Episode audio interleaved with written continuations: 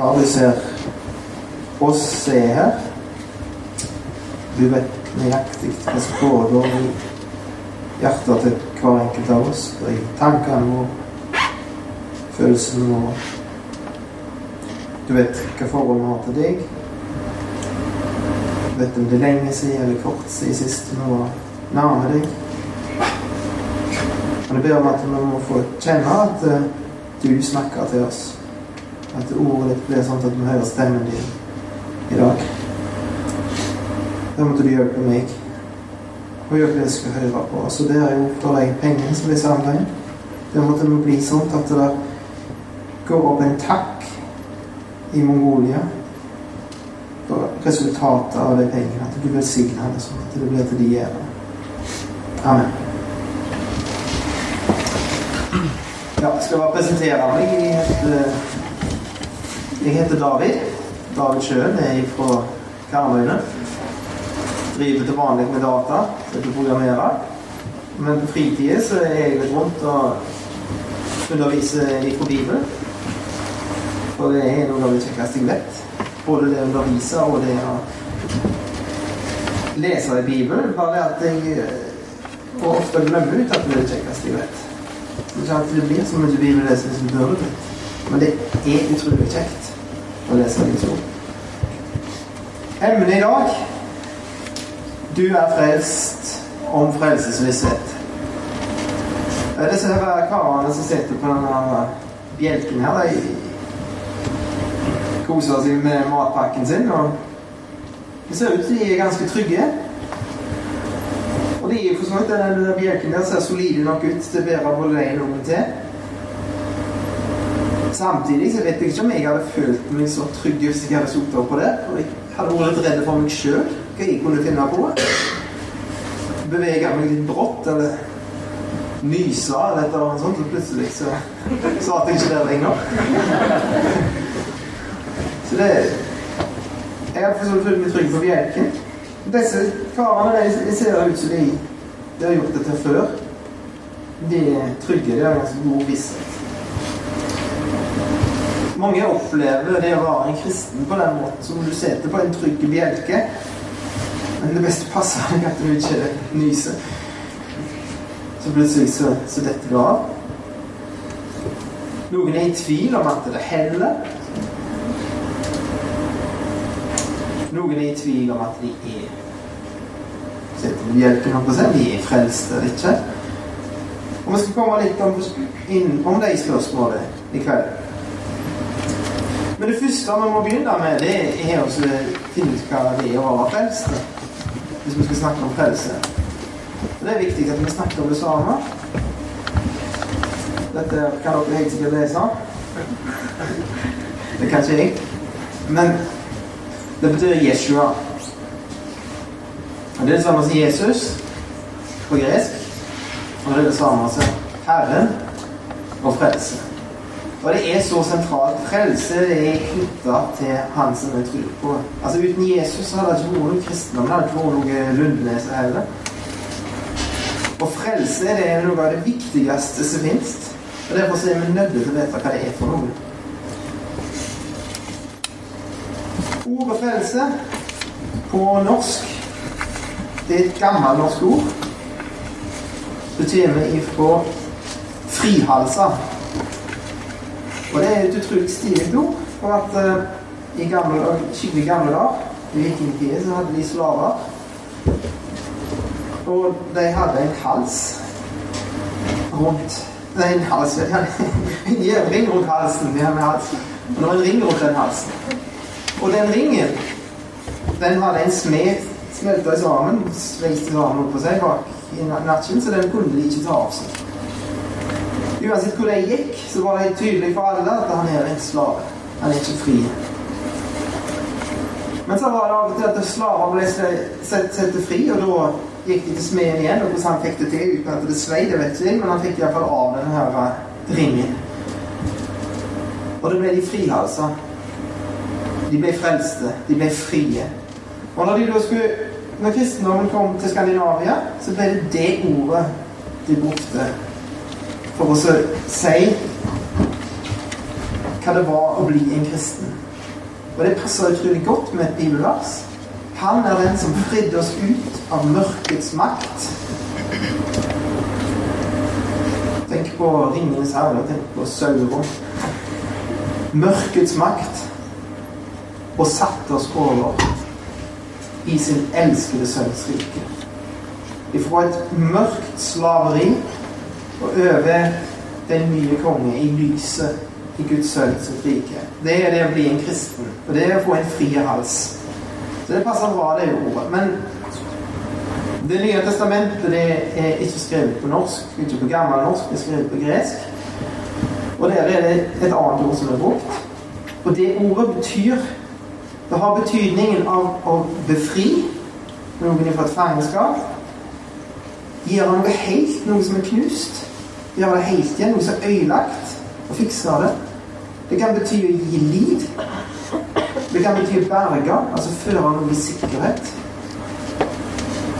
Og det kan bety å helbrede. Og alt dette ligger egentlig i ordet frelse. Berga eller redda, kan vi sagt på norsk, kanskje. Og så er det det motsatte av tap. Av fortapelse. Av å gå til grunne. Å ende opp som en ruin. Det å bli gjort hele. Bli berga ifra faren. Det er å bli frelste. Og så er det litt sånn at siden det er en skole, så må vi snakke om grammatikk. For at det frelse det er, litt, det er utrolig viktig å få med seg. Hvis du leser Bibelen, så er det viktig å få med seg at det frelse fins i tre forskjellige tider i Bibelen. Det første er i fortid. Av nåde er dere frelst ved tro. Det er et ganske kjent vers. Sant? Det er ikke deres eget verk, men Guds gave. Det er noe som har skjedd. Noe som en kristen kan si om seg sjøl. At jeg er berga. Jeg er gjort hele. Jeg er fridde ifra det som var farlig for meg, og det som bandt meg. Sånn står der i Titus brev, men det ble åpenbart hvor god vår Gud og Frelser er. Han, at han elsker menneskene. Han frelste oss. Ikke på grunn av våre rettferdige gjerninger, men fordi han er barmhjertig. Og da handler frelsen om å bli berga ifra syndens si straff. For vi mennesker er født med en stygge tendens. Vi har lyst til å gjøre mot Guds vilje. Vi har lyst til å gjøre stikk motsatt av det Han sier. Og vi ødelegger livene våre med noe som heter synd. Og mesteparten av det som er synd, det er ganske spoil når du holder på med det. Men det har farlige konsekvenser. For det ødelegger forholdet vårt til Gud, det ødelegger forholdet vårt til andre mennesker, og til sjuende og sist fører det oss i fortapelse og straff ifra Gud. Og det er det første vi måtte bli berga ifra. Og det står i fortid i Det nye testamentet. For det skjedde på Golgata, og det skjedde når, når du blir en kristen, så er det noe som du kan si at jeg er frelst. Jeg har ikke en fortapelse i vente, jeg har straff i vente. Det gale jeg har gjort, det er betalt. Det er tatt vekk. Jeg er frie. Det er gjort. Det er ferdig. Og det er det vi skal snakke om i dag egentlig når vi snakker om frelselse. For det er den sida vi tenker på. Å vite er jeg frelst. Er det i orden med meg? Kan jeg være trygge, eller kan jeg ikke være trygge? Men så er det ei tid til som er bort. Det står at vi blir frelste. I 1. Korinterbrev 15 så står det gjennom det evangeliet, altså evangeliet, blir dere også frelst når dere holder fast på ordet slik jeg forkynte det. Og så står det i akt på deg selv og på læren, så sier Paulus til Timoteus. Fortsett med det, for gjør du det, skal du frelse både deg selv og dem som hører deg. Og Det høres ut som en motsetning. Hvis det står at vi er frelste, og så skal vi liksom bli frelste likevel. plutselig. Hvordan, hvordan går det til? Og det handler om at hver eneste dag i livet mitt må bli frelste. Han blir noe som blir en skatt i evigheten. Det er setter som heter samla seg skatter i himmelen. Det er noe med å leve et liv med mening. Et liv som, som det er noe igjen av den dagen dør. Det er ikke alt forsvinner, alt er tap. Det er i sida av å bli frelst. Og så betyr det frelst, bli frelst og bli gjort hele. Og det er en prosess som begynner når du blir en kristen. Da begynner Gud å jobbe med deg, forandre deg, sånn som han vil ha deg. Og det er en frelse som skjer hele tida, og som vi faktisk har innflytelse på. Eksempel i første vers der står det 'når dere holder fast på ordet slik jeg forkynte det'. Altså Vi kan velge litt. Grann. Skal den der dagen helt bli berga, eller skal den gå rett i dass? Og så er det framtid. Det er mange flere ting vi blir frelste med hverdagen. Fra all slags farer. Ifra synd. Synd sin makt i livet vårt. Men så er det noe som ligger der framme. Så skal også Kristus annen vise seg, ikke for syndens skyld, men til frelse for dem som venter ham. Og det er det som jeg kaller komme til himmel. Men som egentlig er at himmelen kommer etter. Jesus kommer igjen. At endelig så skal han berge oss ut ifra en verden som vi lever i, som er imot ham. Berge oss ut ifra en kropp som er som går sunt, har sunn i seg. Han skal berge oss og gi oss hele 100 og så sier, sier Paulus om seg sjøl at Herren skal fri meg fra all ond gjerning og frelse meg inn i sitt himmelske rike. Det er noe som ligger der framme, som vi venter på. Og det er viktig å skille mellom de tingene. Men her skal vi snakke om det å, å være frelst. Og det å, å vite at jeg er frelst. Og da skal vi gå tilbake er et vers om det er favorittverset for mange folk. For å nå der dere er frelst ved tro, og dette er ikke av dere selv, det er Guds gave. Hva er det vi er frelst ifra? Dette her står i Efeserbrevet 2. Og det første vi er frelst ifra, det står i begynnelsen på det kapittelet, ifra død. Vi mennesker, sånn som vi er i oss sjøl, er død i forhold til Gud. Det er akkurat som om vi var død. Hvis du snakker til en død mann, så svarer han som regel ikke. Folk ser dumt på hvis du snakker til døde folk. Du kan ikke ha fellesskap med døde folk. Og etter en stund så begynner de å lukte ganske vondt. Og, og, det er ganske stygt å se på. Derfor så begrever vi folk når de dør. Men for Gud så er vi mennesker i den tilstand vi er når vi kommer inn i denne verden og begynner å leve livet på våre egne premisser, sånn som vi vil og har lyst til, så er vi døde. Han kan ikke ha noe med oss å gjøre. Han kan ikke kommunisere med oss. Han, er, han kan ikke så Det er ingen, ikke noe forhold til oss, og vi, vi stinker faktisk òg. På grunn av at vi lever en syndig livsførsel. Vi lever et liv som vi stikker mot det han liker. Det vi liker, er motsatt av det han liker. Vi liker det som er stygt og ekkelt.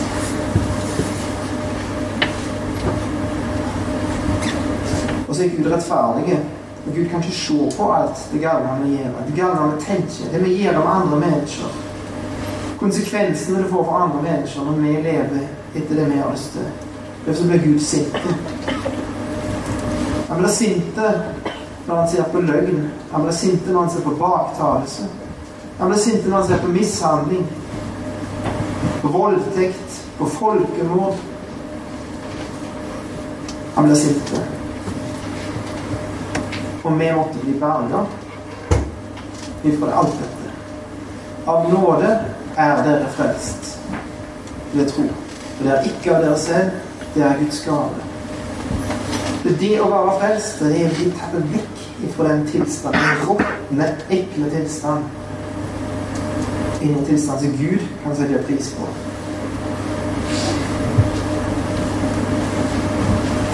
Og da kommer frelsen. Hvordan kan jeg vite at jeg er frelst? Det er litt viktig.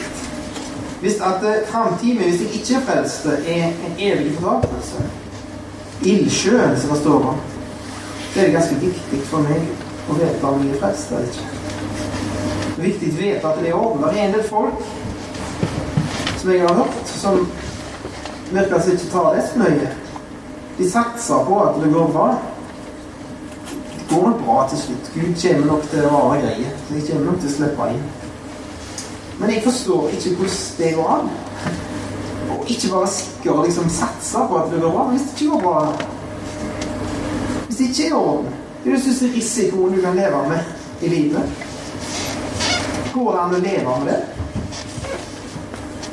Hva er frelsesvisshet for noe? Rimelig feil rekkefølge. Der kom spørsmålet. Hva er frelsesvisshet? Er det en følelse? Er det noe jeg kjenner inni meg.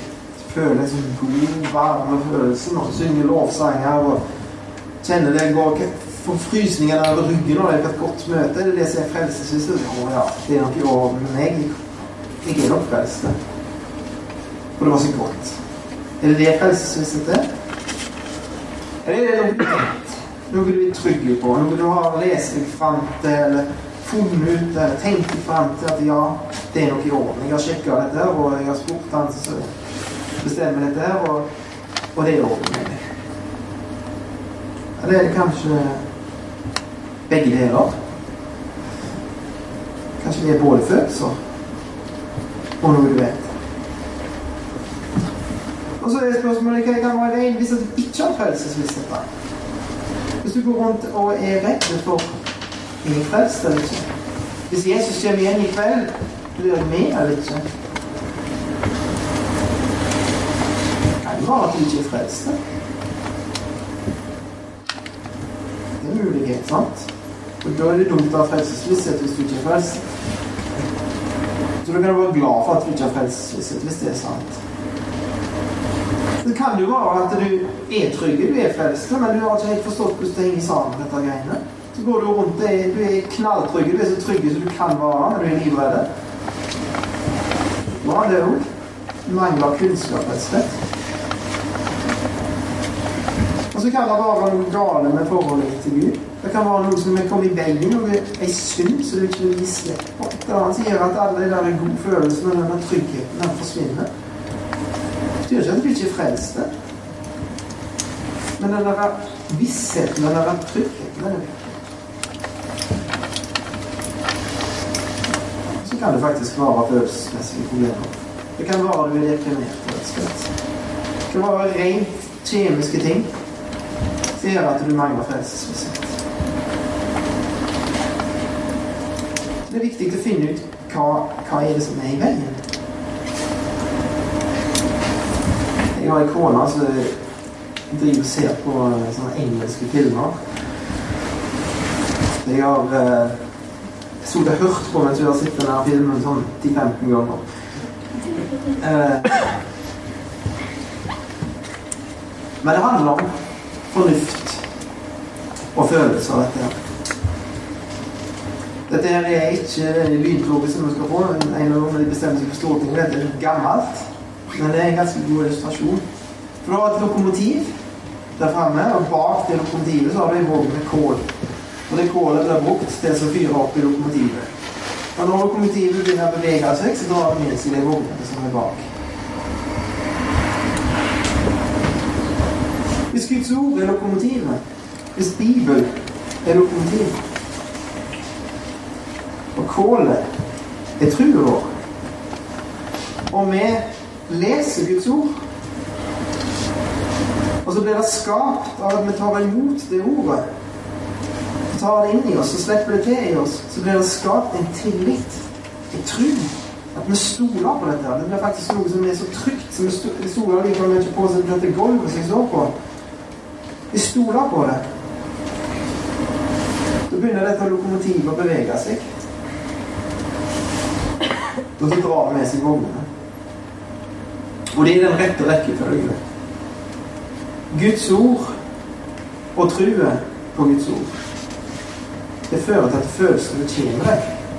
Men hvis vi begynner med følelsene og begynner å kjenne etter at denne vognen beveger seg ikke altså, Ikke så gale. Så på grå hår og lite hår og alt. Det, det, det, er feil ende. Feil ende av to. Vi må begynne med Guds ord og finne ut hvordan, skal jeg være frelst. Og har vi sett litt på. Hva å være frelst? Hvordan blir jeg frelst? Hvordan skal jeg vite at jeg er frelst? Hvem er det frelsen min er avhengig av? Hvem er det som gjør jobben? Og så blir det skapt en tro, og så kommer den trygge følelsen. Neste. Du vet, et av de fæleste versene som står i Bibelen Ikke enhver som sier til meg, Herre, Herre, skal komme inn i himmelen men den som gjør min himmelske Fars vilje. Mange skal si til meg på den dagen, Herre, Herre, har vi ikke profetert ved ditt navn, drevet ut onde ånder ved ditt navn, og gjort mange mektige gjerninger ved ditt navn? Da skal jeg si dem rett ut. Jeg har aldri kjent dere. Bort fra meg, dere som gjør urett. Dette er på en måte dommedag. Det er den dagen når menneskene står framfor Gud og skal stå til ansvar for livet sitt. Og så er det noen som kommer til å si, ikke bare noen få, men mange, som kommer til å si 'Herre' til Jesus. Har ikke vi gjort all slags fantastiske ting i navnet ditt? Så hadde vi sittet som folk og så hadde vi sagt de er superkristne. Du kan bare drømme om å oppleve sånt. Og så sier Jesus noe til dem. Han sier ikke 'jeg kjenner dere ikke'. Jeg kjente dere før, men dere falt ifra, og så kjenner dere ikke lenger. Det er ikke det han sier. Jeg har aldri kjent dere. Jeg har aldri hørt noe med dere gjøre. Dere har aldri vært frelste. Alle andre trodde dere var frelste. De trodde det til meg sjøl. Men de var det ikke. Og derfor så er det viktig å vite Hvorfor? Hvordan blir jeg frelst? Hva skal til?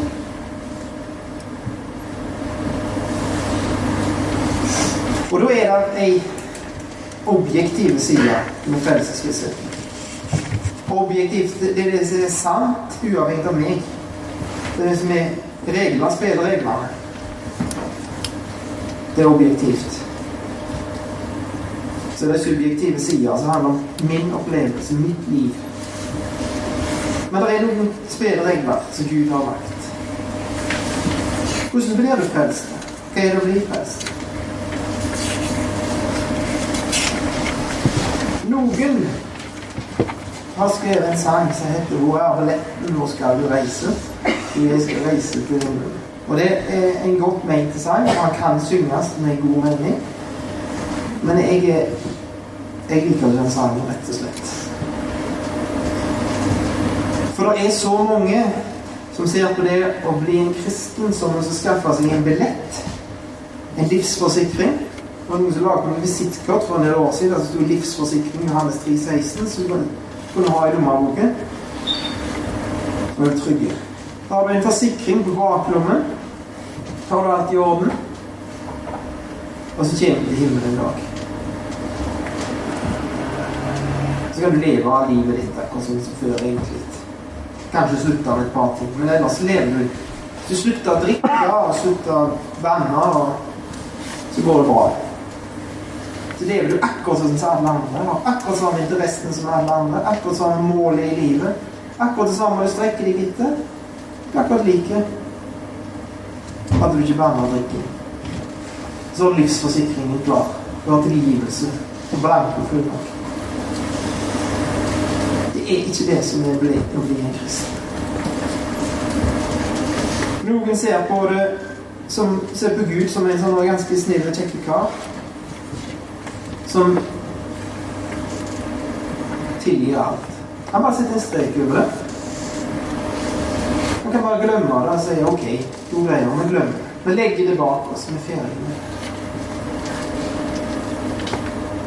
Det er ikke sånn det funker her.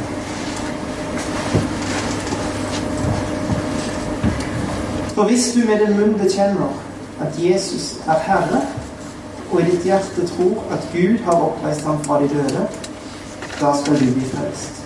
Med hjertet tror vi så vi blir rettferdige, med munnen bekjenner vi så vi blir frelst. Dersom du med din munn bekjenner Bekjenner betyr å si seg enig i. Ja, jeg er enig i Jesus er Herre. Og da handler det ikke om å bare si det. Altså, Du kan liksom få alle til å gjenta etter meg. Det er tusen mann, så gjentar etter meg. Jesus er Herre. Da er det så flott jeg er frelst. Det er jo ikke det det handler om. Det handler om å si det og mene det. Jeg er enig. Jesus er Herre. Hva betyr det? Det betyr at jeg ikke er Herre. Jeg er ikke sjefen. Og du kan ikke bli en kristen uten å gå gjennom den smale, den trange porten. Der du innrømmer at det er ikke du som er sjefen. Det er slutt på det livet der du er sjef. Det begynner et liv der Jesus er sjef. Og det er det gode livet. Vi mennesker vi har levd siden Edens hage, har vi levd i en vrangforestilling om at det beste av livet det er å ha sin egen herre. Bestemme alt sjøl. Da blir det bra. Det var det slangen sa til Adam og Eva i Edens hage. Og du skal bli som Gud og kjenne av godt og vondt. For Gud er den store gledesdreper. Alt som kjekt, er forbudt. Den løgne har vi mennesker trodd på. Den løgne tror vi på vanlige søndag. Her er det motsatte. Det som sier OK, det er du som er sjef. Og fra nå av så begynner det et nytt liv der du skal få bestemme. Og så er det ikke bare ord. Sånn som det var ikke de som nettopp leste, som sa 'Herre, Herre'. Men det er noe på innsiden som er helt enig i. Og i ditt hjerte tror at Gud har oppreist ham fra de døde. Og Det betyr at Gud har gitt ham førsteplassen. Når Jesus ble reist opp fra de døde, så stoppet han ikke her på jorda, men han for opp til himmelen og sette seg med Guds høyre hånd og ble kongenes konge, Herrens herre. Det sitter et menneske der oppe som er Gud, og så er han Alt handler om nåtida og framtida handler om han. Alt skal dreie seg om han. Og hvis du i ditt hjerte tror at det er sant, og stoler på det, da skal du bli frelst. Med hjertet tror vi, så blir vi rettferdige. Med munnen bekjenner vi, så blir frelst. Og det er mange som syns det verset er, er, vanskelig, for at de tenker på hva betyr det? Skal jeg, det at jeg må fortelle det til alle andre? At jeg er blitt en kristen, og hvis jeg ikke forteller det, så kan jeg ikke være kristen, og så stopper det der, liksom. Jeg tror først og fremst at det han vi skal bekjenne det til, det er Gud. Det er han vi skal si det til. Med vår ene munn. Det tror jeg. Men jeg tror samtidig det at vi har et problem. Hvis vi på den dagen vi vil bli en kristen, er mer redde for hva andre folk vil tenke om oss, enn for Gud, da er det ikke sikkert vi har skjønt alvoret. Det er ikke sikkert vi har vet helt hva vi sier når vi sier at Jesus er Herre. For det at Jesus er Herre, det betyr at det kan bli vanskelig. Her i Norge så, så er det mange som sier det at det blir en kristen, så får du en god kamerat, en venn, som går gjennom med deg gjennom livet. Du får det godt. Du får det enda bedre enn du allerede har det i verdens rikeste land. Det er ikke så mange plasser i verden jeg sier det. En del av plasser i verden skal du si det, at uh, bli en kristen, så risikerer du å havne i fengsel. Du risikerer å bli torturert. Du risikerer å bli drept. Familien din kommer til å støyte deg ut. Bli en kristen likevel.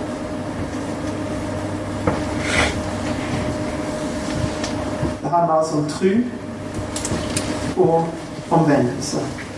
Omvendelse det er et vindu for å snu.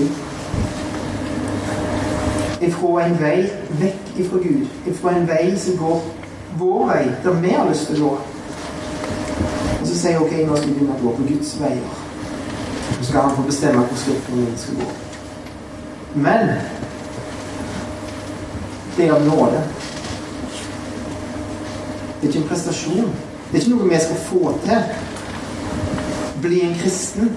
Det er liksom å ta seg sammen og så begynne å jobbe og leve et liv som Gud vil. Det er ikke det det handler om. Men det handler om en avgjørelse. Du sier ja, jeg vil dette. Og så er det Gud som gjør det. Det er hele veien. Det er Gud som tar seg av det. Det er Gud som frelser. Det er Gud som sendte Jesus. Det er Gud som lot han løpe korset. Og Gud som tok synd så alvorlig At han lot ham henge der og la all verden synd på ham. Sånn når Gud så på Jesus, så så han synd, synd, synd, synd. Han så det han hata mest i denne verden, når han så på ham. Vår synd. Og så slo han ham. Og så lot han fortapelsen treffe ham, sånn at han ikke skulle treffe oss. Det er Gud som har gjort dette. Det er det du sier ja til. Hvis du sier ja til Jesus som Herre. Og det er det du sier nei til, og skal stå ansvarlig for hvis du sier nei. Da sier du at 'jeg bryr meg ikke'. Du betalte en forferdelig høy pris. Jeg bryr meg ikke. Men så er det den andre sida av det. Ok, ja, jeg har teoretisk har jeg tenkt en tanke og sagt at ja, jeg, jo, jeg bøyer meg for deg, Jesus. Det var en kamp, men jeg gav etter til slutt. Jeg, du skal få lov å bestemme. Det, er du som er sjef. Jeg våger ikke å stå imot deg lenger. Er det symptomer på liv? Har jeg fått liv? Jeg ble frelst. I 1. Johannes 5,13 så står det dette har jeg skrevet til dere for at dere skal vite at dere har evig liv. Dere som tror på Guds sønn. Gud vil at vi skal vite dette. Gud vil at vi skal være trygge. Gud vil ikke at vi skal gå rundt og være livredde hele livet og håpe på at en dag kanskje så kommer Gud til å være nådig. Hvis at jeg kikker meg godt og gjør mitt beste og tar meg sammen, så kan det være at Gud kommer til å være nådig til slutt. Gud vil at vi skal være trygge. Vi skal kunne ha et forhold til Han der vi stoler på Han. Det er true, sant? Å stole på Gud. Dette har jeg skrevet til dere for at dere skal vite at dere har evig liv. Dere som tror på Guds sønns navn. Er det symptomer på dette livet? Viser det igjen at du har liv? I gamle dager så Jeg har fem unger, og jeg har ikke sett at vi har gjort det med noen av dem. Men i gamle dager, når unger ble født, så pleide jordmødrene å gi et klaps på baken. For at de skulle grine og så renske lungene sikkert, eller et eller annet sånt. Derfor er det ryktet som går. Den griningen ifra de ungene Det var ikke det som ga dem livet.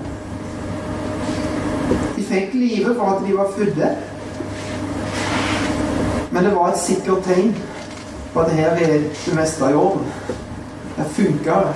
Her er det liv. Og hvis det ikke kom det livstegnet, så det, det en hektisk aktivitet. Og hvis det ikke er livstegn Mine unger har grenet av seg sjøl uten at noen har gitt dem en klaps bak. Men de grein. Det var livstegn. Og de, de drakk melk, og de viste at her er det kommet et liv inni meg. De hadde lyst på mat. Og med en gang det ikke er til stede, så blir det gjort noe. Første Johannes brev er på en måte Det bør dere lese. Det anbefaler jeg dere å lese. Det er på en måte en, blant annet en test som jeg kan bruke for å sjekke er det liv. Spiller det liv i meg? Har jeg fått evig liv? Er det noe i mitt liv som viser det? Og det første Johannes snakker om det i kapittel 1. Da snakker han om å vandre i lyset. Og det betyr å leve på en sånn måte i forhold til Gud at når jeg synder, så bekjenner jeg meg. Jeg sier jo ja, det var gale. Jeg er helt enig med deg, Gud. Det der gale, det må det bli slutt på. Det motsatte av å leve i mørket, gjemme seg vekk, gjøre ting så du vet at det ikke er bra, og fortsette med å gjøre det, fortsette med å gjøre det. Det er et tegn på liv at du heller i lyset. At du ikke klarer å, å leve sånn som du gjør. Og det er noe som gjør vondt inni deg. For du har fått lyst til å gjøre Guds vilje. Det er det første tegnet som man, man snakker om. Det andre tegnet som han snakker om, det er at det, den som har fått liv, han holder fast på Guds bud, eller Jesu bud, og Jesu ord. Det betyr det motsatte av å bare hive det på seg. Ja, det er bare en gammel bok. Jeg bryr meg ikke. Jeg vet det står der. Jeg hører hva du sier, Gud. Et tegn på at du har liv, det er at du tar Bibelen på alvor. Holder fast på det. At du lar det gjelde under at det sier ting som du ikke liker. Det er et tegn på at det kommer til. Kjærlighet til brødrene, eller søsknene, kan du sikkert sagt. Jeg tror det står i den nye oversettelsen. Søskenkjærlighet. Det er noe som har de fleste av oss. Selv om at vi krangler så fillende fyker med, med brødrene og søstrene våre, så er det likevel et eller annet der. Det er en, en kjærlighet på grunn av at vi har samme foreldre. Vi hører sammen.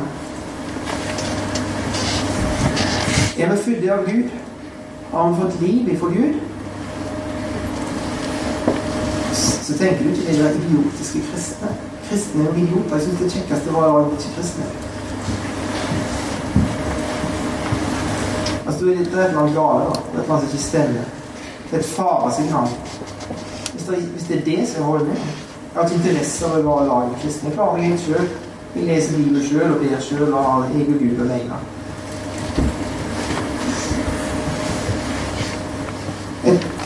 Det livet er prega av at du gjør rettferdighet. Det betyr ikke at du gjør alt rett. At du aldri synder. Det sto der allerede i første kapittel. At vi har til synder og må bekjenne våre synder. Men er det kommet liv i så kommer det noe ut fra det livet. Du har lyst til å gjøre Guds vilje, og du prøver med Hans hjelp å gjøre det. Det blir en forskjell klart i livet. Og det er det som preger livet. For hvis det ikke preger livet i det hele tatt, så er det faresignal. Da er det på tide å finne ut om det er noen gave. Den som er født av Gud, han elsker Gud. Han har et forhold til Gud der Gud er viktig for ham. En gang så sa Jesus noe så mesteparten av de som var fans av ham Jesus hadde en del fans. De var sånne disipler som syntes Jesus var skikkelig flott å høre på. Han var, han var kul, han var eh, radikal. og han Men så sa han noe som ikke vi forsto helt. Og så syntes jeg det løy ut. Han snakket om å ete hans blod og det drikke hans blod og ete av kroppen hans og sånt. Og, og da sa de Nei, vet du hva, hva du går ikke høyere på hva folk kan høre på såret De går ikke an. Vi, stikker. Vi vil ikke ha noe mer å gjøre gikk de vekk ifra. Så spør Jesus disiplene sine vil dere gå. Alle andre gikk. Vil dere gå? Og så sier Peter til Jesus Hvor skal du gå hen, da? Du har det evige livs ord. Og vi tror og vet det blir Guds hellige. Den som tror, den som har liv, han har en Nei, jeg kan ikke miste det for Jeg kan ikke miste Jesus. Jeg kan ikke miste forholdet til Gud. Han elsker Gud. Det er ikke sånn du blir en kristen, men det er et tegn på at du er en kristen. For det har skjedd noe med deg, og så videre. Les først Johannes brev. Jesus snakket en gang Jeg å ta det seg fort. Jesus snakket en gang om god byggeskikk. Han snakket om å bygge fint og godt. Her er interiøret i et, hus borte i USA. Linken er ikke leselig, men den står der. Jeg er ikke sikker på om huset står der lenger. Det som Jesus sa, det er at den som hører ordene mine og ser etter dem, han er like en uforstandig mann som bygger huset sitt på sand. Det er det huset som det interiøret henter. For det kunne du leie. Men jeg tror det har vært en storm og noen skikkelige bølger etter den tid i den staten. Jeg mener, jeg hørte de nyhetene, så jeg er ikke sikker på om det der huset der står lenger. Det står på ei strand. Fint nok inni og greit nok å se på, men kommer det en skikkelig storm, så er det ikke mye igjen. Hvis vi har det forholdet til Gud og til Hans ord og Hans vilje Ja, jeg hører hva du sier, men gjør det ikke. Så er det sånn å bygge livet sitt på sand. Og det Jesus sier at det derfor verden som fører disse ord, og gjør etter dem.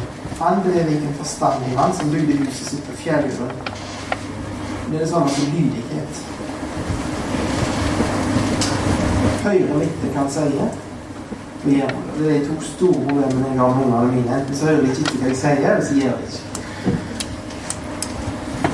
Men et kristent liv er prega av en innstilling som vil dette her. Det er ikke sikkert vi alltid gjør det.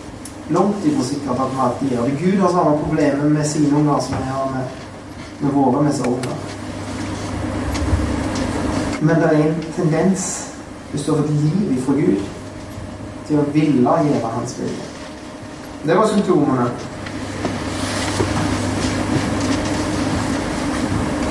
Mitt bibelvers. Da jeg var 13 år gammel, 13-14, så ble jeg frelst til kvapet. For jeg, var så usikker på om jeg var en kristen. Og så ba jeg Jesus frelse meg om kvelden, og så tenkte jeg at det var i orden. Og så neste dag så oppdaget jeg at jeg var ikke blitt så mye bedre jeg gjorde. Og så ba jeg for sikkerhetsskolen igjen, og så var jeg på vekkelsesmøter og i en sånn teltmøte og jeg var med, og så snakket de om at det kunne være en hemmelig frafall, og det misforsto jeg. Det er det jeg mente, at det kunne være en frafall uten at andre visste om det, men jeg forsto det sånn at det kunne være en frafall vi ikke vet om det sjøl. Så jeg var livredd for at jeg var blitt et frafall uten å ete om det det, var skikkelig sånn det var skikkelig pyton. Jeg gikk fram og ble bedt for, og det hjalp ikke. Helt til Johannes 5,24 begynte demre for meg. Sannelig, sannelig, sier jeg der, sier Jesus. Den som hører om et ord, og så krysser jeg av mentalt. Ja, jeg hører på ordet hans. Det vil jeg. Og tror han som sendte sendt meg, ja, det gjør jeg. Ok. Da er det elementær logikk. Neste han har evig liv. Han kommer ikke til dom, men er gått over fra døden til livet. Og da fikk jeg frelsesvisshet etter en stund. Det gikk en stund, men jeg frelsesvisshet av det verset der. Og sånn funka det for meg med Guds ord, og sånn funka det kanskje for deg òg. Du får trygghet på at Gud har gjort noe. Ikke på at jeg har gjort noe, jeg har fått noe til, men Gud har gjort noe. Og så er trygghet ikke det samme som visshet. For det om du mangler frelsesvisshet, så kan du være den tryggeste mann i verden. Og hører du Jesus til, så er du trygg. For han har sagt at han skal de som han Sauene hans de skal han gi evig liv, for de skal aldri gi evig liv gå fortapt. Og så har han sagt at ingen makt i verden skal kunne skilje oss ifra Guds kjærlighet i Kristus Jesus, vår Herre. Uansett hva vanskeligheter vi kommer i livet, så er det en som ber oss gjennom.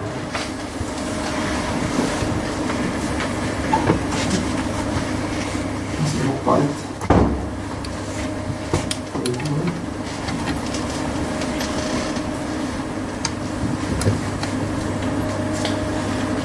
Til slutt hvordan skal vi hjelpe andre som sliter med frelsesvisshet? Bli kjent med dem. Lytt, still spørsmål. Hvis du går til doktoren, så skriver ikke han ut medisiner og dette har snakket med dem i et halvt minutt. Ja, det gjør av det av og til. Gjør det. Men en god doktor han snakker med deg, og så spør han og graver litt, og så sammenligner han, og så finner han ut nei, det kan ikke være det, for han har det symptomet òg, så det må være noe annet. Snakk med folk. La de snakke. Hør på de. Finn ut hva som er problemet først. Finn ut om de er frelste først. Finn ut hvorfor de ikke har frelsesvisshet. Be for dem. Du kan ikke gi noen frelsesvisshet. Gud kan. Og så må du hjelpe dem sjøl å stille korrekte diagnoser. For det nytter ikke at og du sier til noen Nei, vet du, ikke frelst, du. Så blir de bare sure. Så sier de um, David sa at de var frelste. Men hvis de ser det ut ifra Bibelen at ja, jeg har problemer, jeg må få gjort opp med Gud. Eller motsatt, de ser ut ifra Bibelen at det er jo bruk Guds ord når du snakker med andre. Ikke stol så mye på deg sjøl at du skal klare dette. Bruk Guds ord. Bli kjent med Guds ord, sånn at du kan hjelpe andre. Og hvis du er det av deg du ikke vil hjelpe andre, så er det et par ting du kan gjøre. Du kan si til f.eks. ikke bare redde alt går bra. Det er ikke å hjelpe andre. Det er å ta lett på alvorlige ting. Og hvis noen mangler frelsesvisshet, så er det viktig å finne ut hva er problemet. Hvis du er kjapp og sier 'nei, det går bra', dette Gud er glad i deg, og Johannes 3, 16 og hele pakken, så det hjelper ikke. Øve enklere. Du gikk jo fram på møtet. Du bødde kneet til meg. Det er selvsagt ikke frelst. Ikke sikkert. Kan si legaliste du vil, ikke vil gjøre andre. Du sier at det å være kristen, det er bare det er, jo for eksempel. Det skal bare være bry deg litt. Det er kanskje det vi gjør neste år. Vi bryr oss så lite om hverandre at vi ikke får med oss at kameraten vår, venninnen vår, sliter. Har det vondt inni seg. Eller ikke har det i, i orden i livet. Du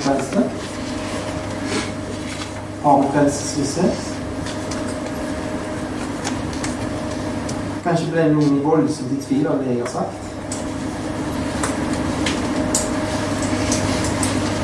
Hva vi gjør noe med det. Fremdeles. Fremdeles er det mulig å bli fri og bli frelst. For meg